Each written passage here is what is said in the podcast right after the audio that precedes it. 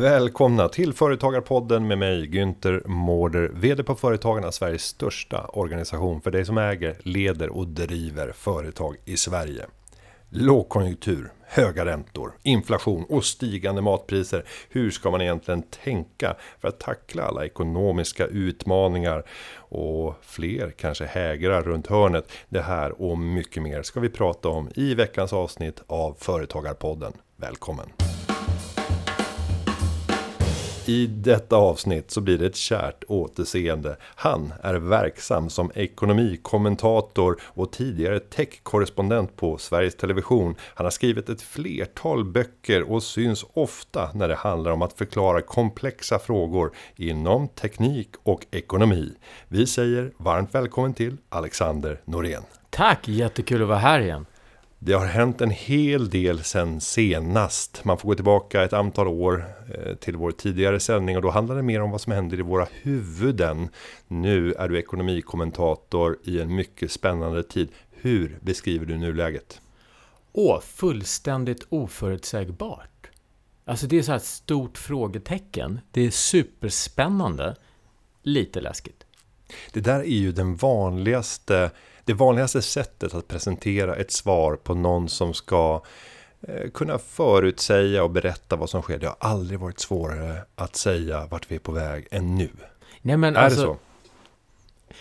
Om du tänker dig att alla människor som har väldigt bra betalt för att vara siare om framtiden, särskilt inom ekonomi, kommer fram till så divergenta svar som mm. skiljer sig åt så pass mycket. Jag tror att om du kan, du kan nog kvantifiera det där. Ta chefekonomer hit och dit och ta ekonomiska prognoser hit och dit och sen så tar du och plottar upp dem på... Så, ofta så, är, så de skiljer sig inte jättemycket. Nu är det så här, frågar du Frågar du den ena så säger den Ja, men det kommer bli en sån jäkla mjuk landning förstår du, så vi kommer inte ens märka att vi har nuddat vid marken och sen så tar både räntorna och går ner nästa år och ekonomin tuffar upp igen och någon annan säger Nej men herregud, vi har inte sett början på det hemska än. Och då känner jag så här, okej. Okay, då är det ett tecken på att de här vanliga modellerna där man prognostiserar med, kanske extrapolerar med, de, de, den kartan är lite så här, man ska ta med en nypa salt. Därför känner jag så.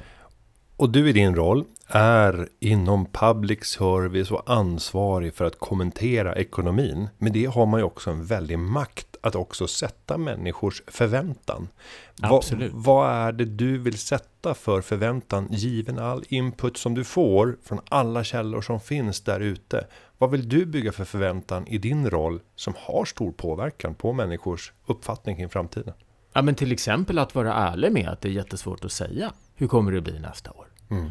Och att inte falla i fällan att vilja svara något som man inte kan svara. Att våga säga jag vet inte.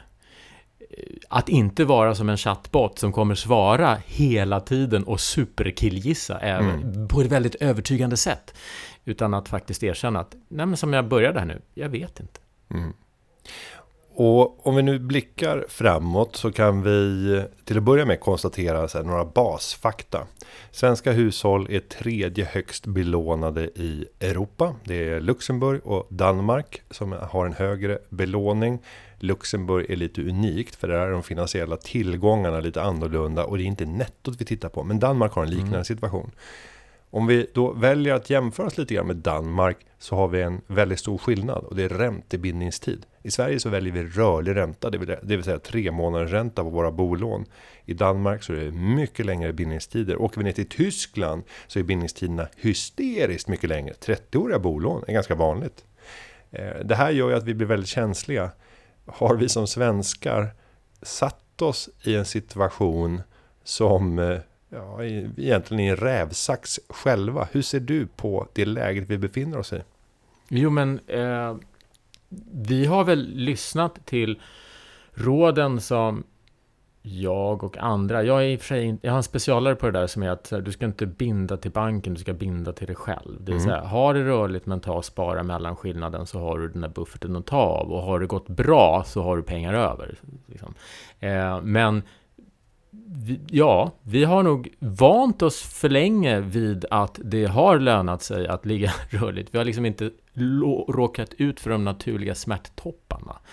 Och därför har då kanske fler som inte klarar av sådana också lagt sig rörligt. Sen om, det är intressant att du nämner Danmark, för jag för mig i alla fall att man där har ett annat system med att göra det lättare att liksom bara för att du binder dig på tio år så betyder det inte att du åker på en fet smäll att lösa lånet om du säljer innan tio år. Det är, det är ju verkligen någonting som är en hämsko som talar emot att binda på långa tider. Så vi har ju ett, ett system där liksom reglerna som bankerna får tillämpa motverkar att du binder dig. Det kan man ju faktiskt göra någonting åt med ett penseldrag. Jag vet inte om det är politiskt eller om det är myndighetsmässigt. Men menar, det finns ju saker att göra. Och jag ser ju en trend framför mig nu hos bankerna. Och det är att eh, man återupprepar det du har sagt. Det är mycket osäkert framåt. Så här gäller det att ha en strategi där man kan parera för båda utfallen. Det vill säga att räntan kan fortsätta att stiga långt mycket mer än vi hittills har sett. Men det kan också vara så att vi ser en topp här framåt våren. Mitt förslag till dig Alexander, det är att vi, vi binder hälften av ditt bolån och vi gör det på en löptid som är fem år och sen kör vi den andra hälften rörligt. Då vet vi att i vart fall hälften av kapitalet kommer att ha varit positionerade på ett sådant sätt att det kommer att vara gynnsamt utifrån det ekonomiska utfallet. Vad säger du om ett sånt råd? Jag säger att det är det sämsta rådet och det kan till och med vara värre. Det, ja, men lägg inte alla ägg i samma korg. Mm. Ta och bind lite på två, det blir lite på ett, lite rörligt, lite mm. ett, lite tre, kanske lite fem. Så. Det betyder att du har ju aldrig egentligen en bra, ett bra förhandlingsläge med banken mm. att, att hota med att du tar ditt pick och pack och går till banken på andra sidan gatan. Därför att då har du alltid någonting bundet till den där första banken. Så nej, det, det där tycker inte jag låter bra. Och sen har vi den förhatliga ränteskillnadsersättning. Precis. Eh, ett ord som eh, för de flesta kanske sällan dyker upp. Det kan hända när man byter bostad och har ingådda bostadslån och sen kanske det inte gick att ta med dem. Eh, och då får man betala skillnaden för eh, vad banken skulle ha tjänat på den här långa löptiden. Det kan bli ganska stora belopp. Men jag vet att du har en annan erfarenhet av det som jag tror är nästan smått unik. Ja, den är lite absurd. Och, och det var ju när jag skulle, när, när, mina bundna lån löpte ut senast. Och då gjorde de det lyckligtvis då timingmässigt i februari 2021. Eh, när började Ukraina-kriget? 2022. 2022, förlåt. Mm. 2022. Tråkigt nog känns det som att det pågått mm. ännu längre. Mm. Eh, och då tänkte jag, okej, okay, eh, säg att jag binder på tre år igen. Vad blir räntan då? Och sen jämför jag med rörligt. Så jag, vänta, det här är ju, det är ju typ billigare. Jag menar, eller samma pris. Jag kommer inte ihåg exakt vad det är. Jag så här. Jag kommer ju garanterat bo kvar här under den tiden. Och, ja, jag tar allting på den löptiden. Det här är så billigt för den tryggheten. Så att nu är försäkringspremien är noll, känner jag. Så här. Varför inte? Men, men, men, men. Jag vill veta den här ränteskillnadsersättningen, ifall vi skulle sälja, liksom så här, vad åker jag på? Och då sa bankmannen, okej, okay, då ska jag mata in det här i min räknesnurra. Um, Jaha. Det verkar något fel på systemet. Jag ringer tillbaks till dig när jag har kört det här, startat om datorn. Och så ringer han tillbaks lite senare och så säger han Det var inte fel på min räknesnurra. Det, det, det är bara det att den är inte gjord för sånt här ränteläge. Det, det, det är så upp och ner allting. Men ränteskillnadsersättning blir noll. Mm. Alltså i själva verket tjänar de på om räntan skulle gå upp, att jag löser i förväg. Så här. Vilket det såg ut som. Ja, så att han sa, du riskerar ingenting. Nej, men då så. Kör på. Alltså jag får hängslen och livrem och det kostar ingenting. Och, det är once in a lifetime. Och då ska man säga att om du idag skulle bryta det, då skulle du till och med få en ekonomisk kompensation sannolikt. Det är inte, det, det, det är eller, är, det, nej, eller blir det alltid noll? Ja, jag tror det. Det, det, som, det, det finns ingen uppsida. Nej, då river vi ut stormen bara. Ja. Eller för dig så är det inte stormen utan nej, och då kan härliga sommarbrisen. Och, och, och, nu kan man ju, då kan man ju tycka att om, om systemet var helt fair, då skulle det faktiskt vara så. Mm, så att absolut. egentligen är ju systemet riggat åt att det egentligen bara ska vara bankerna som kan... Mm. Ja, ja, man ska inte klaga på banker igen. Oh, ja. Nej, men, och tittar vi tillbaka så har vi ju fått lära oss att det där med rörlig ränta med god fog alltid är det bästa mm. alternativet. Jag gjorde någon studie när jag var sparekonom på Norden. Där jag tittade tillbaka under en 15 års period. Och då slutade det där 2015. Eh, så då var det ju under, under 2000-talet. Och då kunde jag hitta att det var 100 dagar som det var lönsamt under hela den här perioden att binda sin ränta på två mm. år eller längre löptid. Och då kom jag fram till att det är lite för spekulativt att binda räntan. Och det är det ju. Så att lyckas om, pricka in de där om tillfällena. Om du 100 dagar under en 15-årsperiod kan göra en bättre affär. Men jag tycker att ditt förslag om att eh, lägga undan mellanskillnaden i en rörlig eh, ränta mot en, en bunden ränta till ett sparande till sig själv och investera det i aktiemarknaden. Mm. För normalt sett, om vi pratar om en normal ekonomi mm. så brukar det vara så att när aktiemarknaden går väldigt starkt, då vill man eh, bli av med den där överhettningen genom att höja räntorna och då stiger dina boräntor. Men då har ju din, dina aktieplaceringar stigit kraftigt i värde så det blir ytterligare en kompensationseffekt. Ja, smart. Tyvärr har ju det där inte rått under det här förhållandet. Nej, men vi har haft konstiga eh, marknadsförhållanden. Men jag, jag, jag tänker i alla fall att grundprincipen är att du tar och skyfflar undan skillnaden och liksom gör en egen liten bosparfond som du sen kan ta av. Eh, ja. Mörkret börjar eh, infalla nu. Det blir kortare och kortare dagar och samtidigt så ser vi att inflationen den är fortfarande på hög nivå men den är i vart fall på nedgång. USA verkar ligga lite före så det finns lite ljusglimtar där. Det kanske är våren som skymtar långt borta. Go West! Ja, ja kanske. Men, men, utmaningen är ju att det är ganska lång tid kvar innan vi kan se det där ljusa scenariot Tror du att det kommer bli mörkare ställt utifrån ett konsumtionsperspektiv när vi pratar hushållen? Ja, det tror jag. Det tror jag. Jag menar, vi har ju inte sett det riktigt än. Va? Jag menar, visst, i delar av handeln har det börjat märkas av. Eh, menar, självklart inom bostadsbyggen. Så här, men om konsumtions... Det, där, där verkar det ju som att vi har grävt ner djupast i våra fickor för att hitta de sista pengarna för att upprätthålla livsstilen som vi har vant oss vid. Mm. Och det där är ju, kan ju inte hålla hela vägen, när någonstans tar det slut. Och det tar ju mer och mer slut i takt med att fler och fler som har bolån och haft dem bundet möter hela den kalla verkligheten av att det nu är plötsligt kanske tre, minst tre gånger dyrare. Och så måste man ju dra in på någonting, så att jag tror det blir värre där.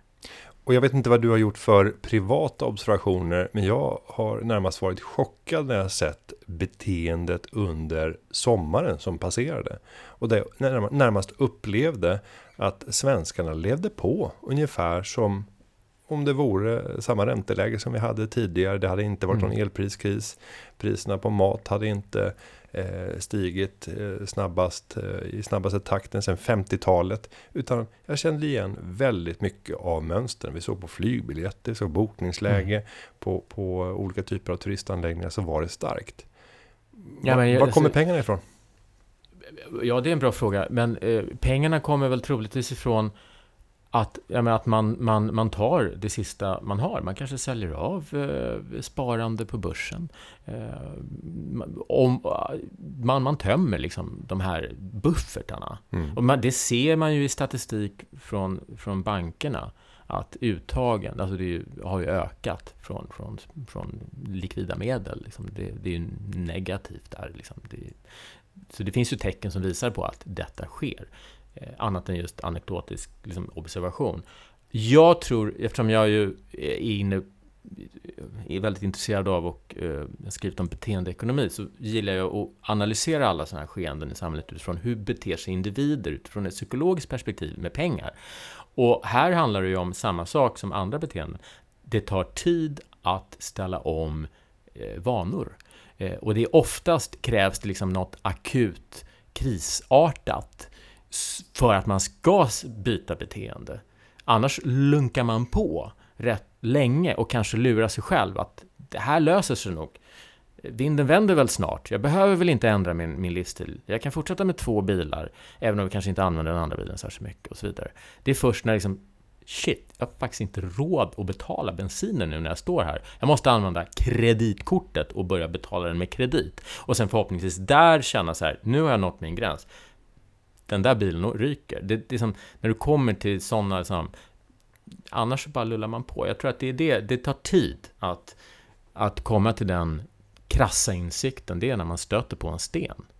Sen, sen om man ska vara eh, ge beröm åt människan Mm. så är vi faktiskt ganska duktiga på att ställa om Mm. när det väl krävs. Ja. Och, och, och ta pandemin som ett färskt exempel. Ta elpriskrisen och Den tycker jag är bra. vi gjorde i förändringar i vår livsstil. Kan vi klara det nu och ändå upprätthålla någon typ av känsla av vällust lust eller lycka Ja, men jag livet? tror... Bra att du tog upp det här med elpriserna, för att jag är imponerad av vad svenska folket har Mm. förmått. Jag vet, kommer inte ihåg exakt hur många procent, om, liksom, om det var 15 eller Ja, 12, till och med 20 i södra Sverige. ja, Ja. som man har fått ner sin elkonsumtion. Och det där har ju hållit i sig. Det, det säger man ju nu. Trots att elpriserna har gått ner till liksom normala, eller inom citattecken normala nivåer, så, så fortsätter vi ju konsumera mindre.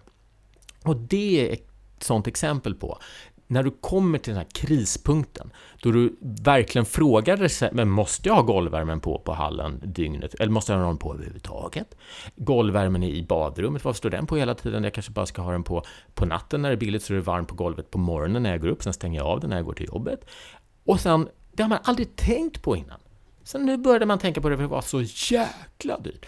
Och sen är det så här, ja det är min nya vana, det är så här jag har det, jag behövde inte den på. Eller vad det nu är. Så att det, det, ma, goda vanor kommer också att vara kvar. Tills dess vi är i nästa ysterhetsperiod och vi inte behöver bry oss om vad pengarna går. Men eh, det kommer också att vara kvar. Och då tänker jag att om du ställer om till saker och ting, du måste du måste rannsaka dig själv, vad går mina pengar till? Går de, går de, jag tycker så här, går pengarna till någonting som gör mig rikare, det är en investering som kommer ge en bra avkastning. Eller går de till någonting som gör mig lyckligare, då är det väl använda pengar. Men kan du inte svara på att det här är en bra investering, kan du inte svara på att det här gjorde dig lyckligare, inte bara genom att det gav dig en kick för stunden, utan det här höjer min livskvalitet. Då är det dåligt spenderade pengar. Och i tiden när man ska dra in, då tänker jag att då måste vi göra den här genomgången av varje utgift. Är det här gör mig rikare? Gör det mig lyckligare? Eller nej, det gjorde varken eller. Då är det det där som ska stryka på foten. Och om vi då gör oss av med det, då är det väl det bra. För då har vi blivit mer resurssnåla. Och det är ju bra liksom, hata slöseri. Eh, och då lägger vi, har vi kommit in på en ny livsstilsbana, då vi kanske använder pengarna bättre. Sen finns det de som kommer behöva försaka både det som gör dem lyckliga och det som gör dem rikare. Och det är jäkligt tragiskt. När man har, när man har inte de marginalerna, så att man till och med, då får man ju ett sämre liv. Och det är en hel del som kommer att få också. Eh, så att eh, det är tuffa tider. Förhoppningsvis blir det bättre, för en del, eh, en positiv utkomst av att man får bättre vanor. Min erfarenhet är också att vi har en grupp i samhället som har som allra tuffast och mest ekonomiskt utsatta. För dem är en kris lik den här inte någonting nytt. Mycket i deras liv har kantats kring att överhuvudtaget få pengarna att gå runt. Eh, nu har krisen förvärrats och det är där som de politiska insatserna behövs för att lindra och se till att vi inte får människor som helt tappar fotfästet i, i sitt ekonomiska jag. Eh, men du har en bred svensk medelklass som aldrig har behövt ägna sig åt tankar kring att vara ekonomiskt sparsam. För boräntorna har successivt rört sig neråt, bopriserna har stigit, reallöneökningar, vi har haft eh, en, en börs som har stigit vilket har gjort att eh, framtida pensioner har blivit högre och man har sett sitt privata sparande stiga. Och det har pågått länge. Och med några få avbrott om man då tänker under, under finanskrisen skakade till lite grann några år senare med oro i Grekland och europeisk oro. Men i grund och botten så inga större dramatiska händelser sen egentligen ja, IT-kraschen och IT-kraschen drabbade inte heller hela ekonomin utan var isolerade. Så vi får gå tillbaka till 90-talet för att hitta Ja, precis. de här Början av 90-talet. rejäla eh, reallönesänkningarna och utmaningarna för den breda medelklassen. Väldigt få var ju med tidigt 90-tal av de som är vuxna idag. Ja, en, en, Ja, men i en- majoriteten av alla som idag arbetar Ja. har ingen erfarenhet av tidigt 90-tal. Alltså vi får ändå betänka att det har, har gått 33 år sedan. Mm.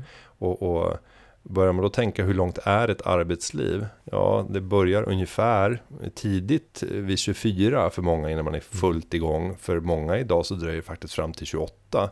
Eh, och så pågår det ungefär till på pappret 67 säger vi väl nu ungefär, men det är det ju inte. Det är 64 om man börjar titta på snittsiffror. Så det är ju nästan en, en hel generation ja, som har passerat. Och, och det där är en viktig poäng. Att det är så många som har vant sig vid att det här är det normala. Till exempel vänja sig vid att man maxbelånar sig om man köper en bostad för priserna kommer ju alltid bara stiga och det kostar inte så mycket. Alltså det är ju, man kan inte klandra dem när de har vuxit upp med det som liksom normaltillståndet. Dessutom, när vi har haft en riksbank som har i princip lovat att det ska fortsätta så. Det, det, det går ju inte. Så det är ju inte liksom människorna som egentligen, tycker jag, man kan inte säga ni får skylla er själva, vi får skylla oss själva. Eh, jag ska säga det i jag-form, jag får skylla mig själv. Mm. Jag menar, jag, jag har ju...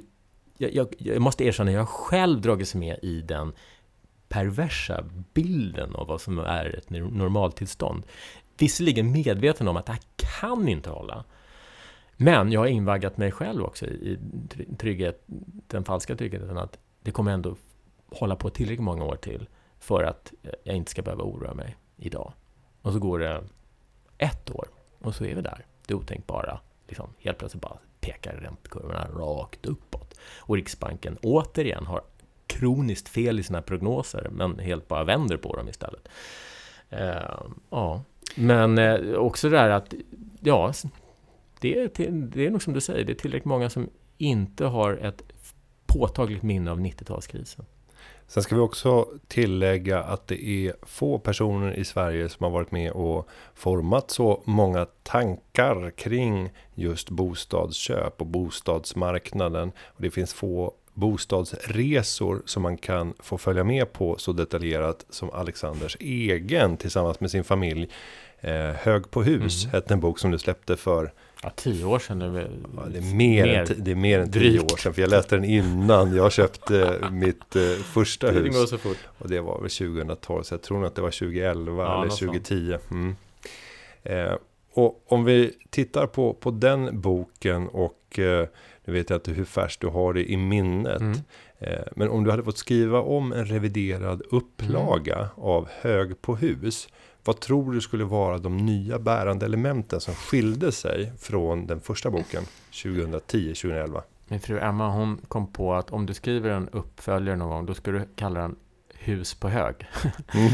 det som har skilt sig är att jag har fått några fler i alla fall fritidshus i, i, i min familj. Um, jag gillar ju att renovera, jag gillar liksom att förbättra och jag gillar att se potential i någonting. Så att därför har det blivit så. Uh, men i, ur ett samhälleligt perspektiv så skulle jag säga att då skulle jag skriva ett, ett eh, förkapitel eller någonting, eller ett, en prolog där jag konstaterar att när den skrevs då för 12 år sedan, eller 11 vad det nu var, så var jag rädd för att den kommer komma ut för sent. Vi kommer inte hinna tills dess bubblan har spruckit och då kommer hela det här med liksom bostadskarriär och ljust och fräscht och pynta, styla hemmet inför försäljning för att maxa det och vara houseflipper. Då kommer det kännas så passé. Nej, jag behövde inte vara orolig för det. Det höll ju ett decennium till. Det är en första reflektion. Och att det, ja, en reflektion på det är också att jag kommer ihåg redan då liksom i början av vår bostadskarriär när vi försökte ta oss in på, på ACT, vi hade liksom inte följt med på det där i början. Så, så läste jag i forum typ så här på DI som handlar om bostadspriserna. Då var det alltid olyckskorpar som i kommentarsfälten ska Åh, snart smäller det. Jag bara väntar på att ni bolånetorskar står där på gatan och jag ska köpa er lägenhet billigt. Den personen som väntade på att ta ett kliv in och äga sitt boende fick ju då vänta det här laget 25 år på att äga sin första lägenhet. Jag undrar hur den personen... Jag menar, det är inte ett alternativ heller, så att det går liksom inte... Det går inte att tajma. Eh, däremot så kan man vara medveten om att när all, att, att man kan bli för trygg. När alla säger ja men det är så att nu är låga räntor här för att stanna. Alltså det, det är som alltid när alla säger någonting, då måste man väcka den lilla kontrarianska individen inom sig, motvallskärringen och säga men Just därför borde jag väl vara rädd för att det här inte kommer fortsätta. Det önskar jag. Det ska jag bära med mig som en lärdom i alla fall. Ja, och tittar vi på bostadsmarknaden nu så kan man ju tycka att det har varit ett dramatiskt fall. Tar vi i våra största städer så summerar väl nedgången i genomsnitt till en 15 procent, mm. 17 i, i vissa områden.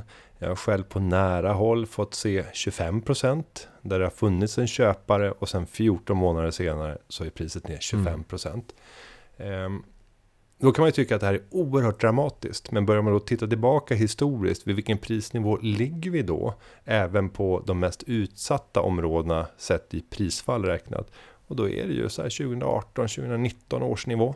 Ja, alltså... Efter man, en hysterisk uppgång. Ja, ja, mm. men om man tar då liksom officiella siffrorna så här långt, så är vi, ja, men vi är ju typ nästan tillbaks till vad vi var innan pandemin. Liksom. Mm. Då, då den största excessen inträd, inträffade.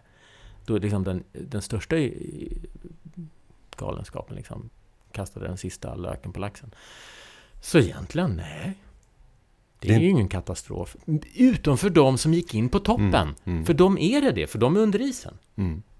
Och de berättelserna, om vi går tillbaka till, till 90-talet och vi är ju tillräckligt gamla för att ha några sådana äldre vänner i bekantskapskretsen. Mm. Där vi såg vilka konsekvenser det här fick. När det som inte får hända händer. Du tvingas till en boendeförändring på grund av jobbsituation. Eller ännu värre, kanske skilsmässa. Och därmed säljer på en, en eh, väldigt eh, inattraktiv nivå på grund av att du har köpt på ett högre läge, har skuld med dig in i nästa boende innan du ens har köpt det.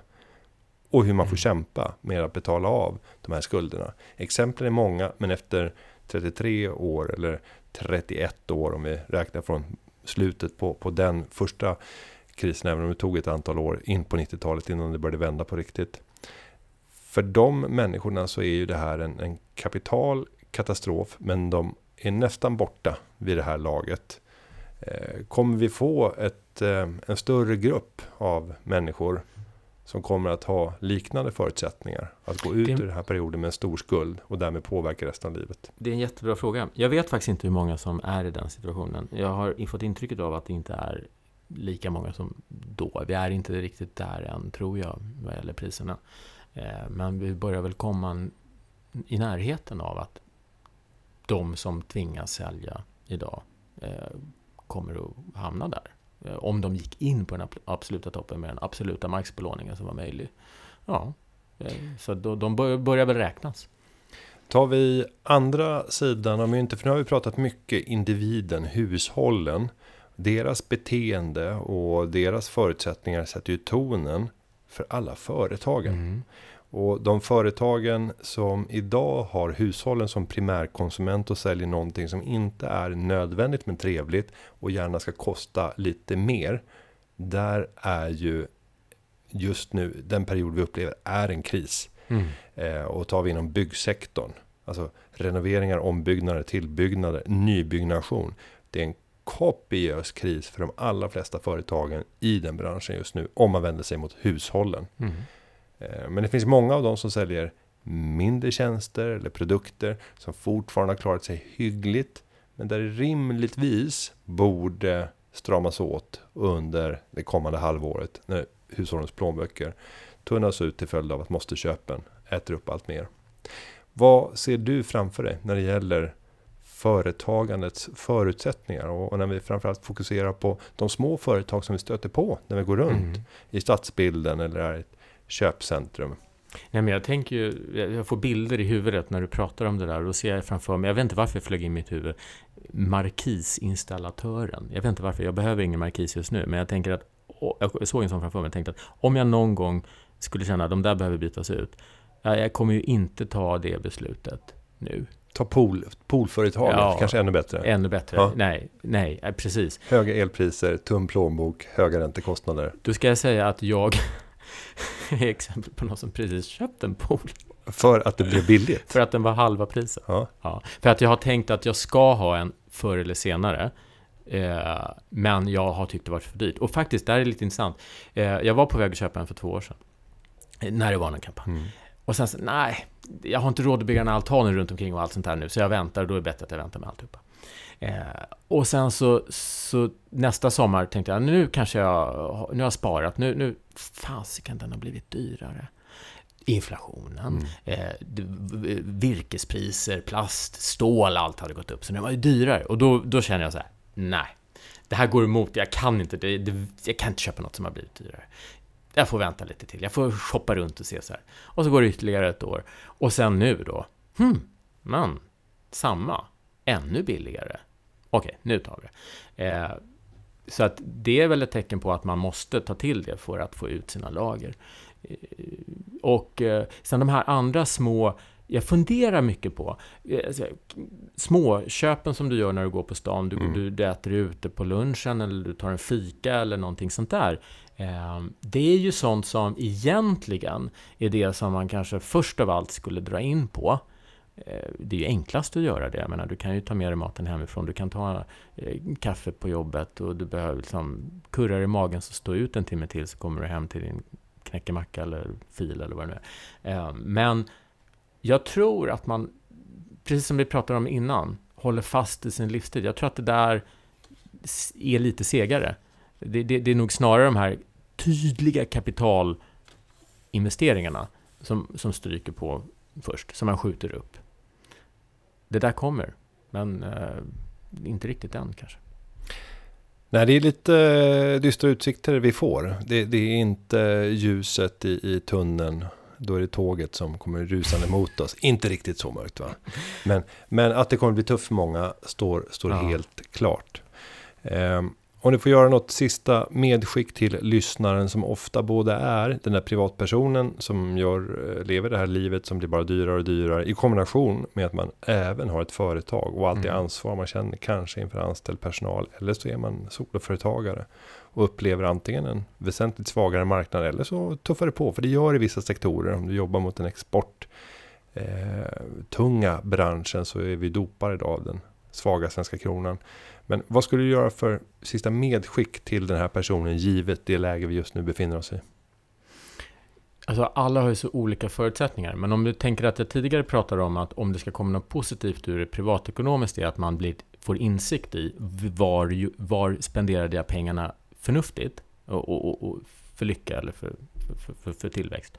Så kanske man, vissa företag har nu en möjlighet eller tvingas till att fundera på vad fokuserar jag på rätt grejer? Det kan ju vara en sak som kan komma ut av att man tvingas se över allting, att man inser att det jag menar, precis som man som privatperson kan hålla på med, med för mycket så att ingenting blir riktigt så här bra, man får ingen edge någonstans. Så kanske man som företag också tvingas till det. Genom att visserligen skära ner någonting, men det kan ju också göra att man då får möjligheten att fokusera och vässa någonting annat. Så att eh, eh, jag, försöker greppa efter något positivt mm. att sluta på. Och då tänker jag att det kanske kan vara eh, någonting som kan gott som kan komma ut av det. Och det man kan summera det är att alla kriser föder ju nya insikter, förändrade beteenden. Några av dem kommer att kunna tjäna dig väl framåt. Eh, så försök använda den här tiden till att lära dig saker om dig själv, om dina behov, dina beteenden och förbered dig inför att det är klart att det kommer att ljusna. Över tid så är det det. Människan vill alltid få det bättre. Vår strävan efter att få det bättre kommer att driva oss tillbaka ja.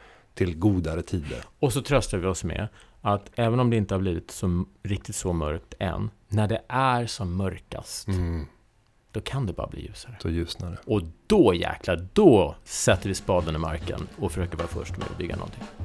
Det får bli ett bra avslutande tips från Alexander Norén, SVTs ekonomikommentator. Jättehärligt att ha dig med. Kul att vara här. Jag ska säga att avsnittet har klippts av Petra Cho och underlaget är skapat av David Hagen. Vi hörs igen nästa vecka. Tack och hej!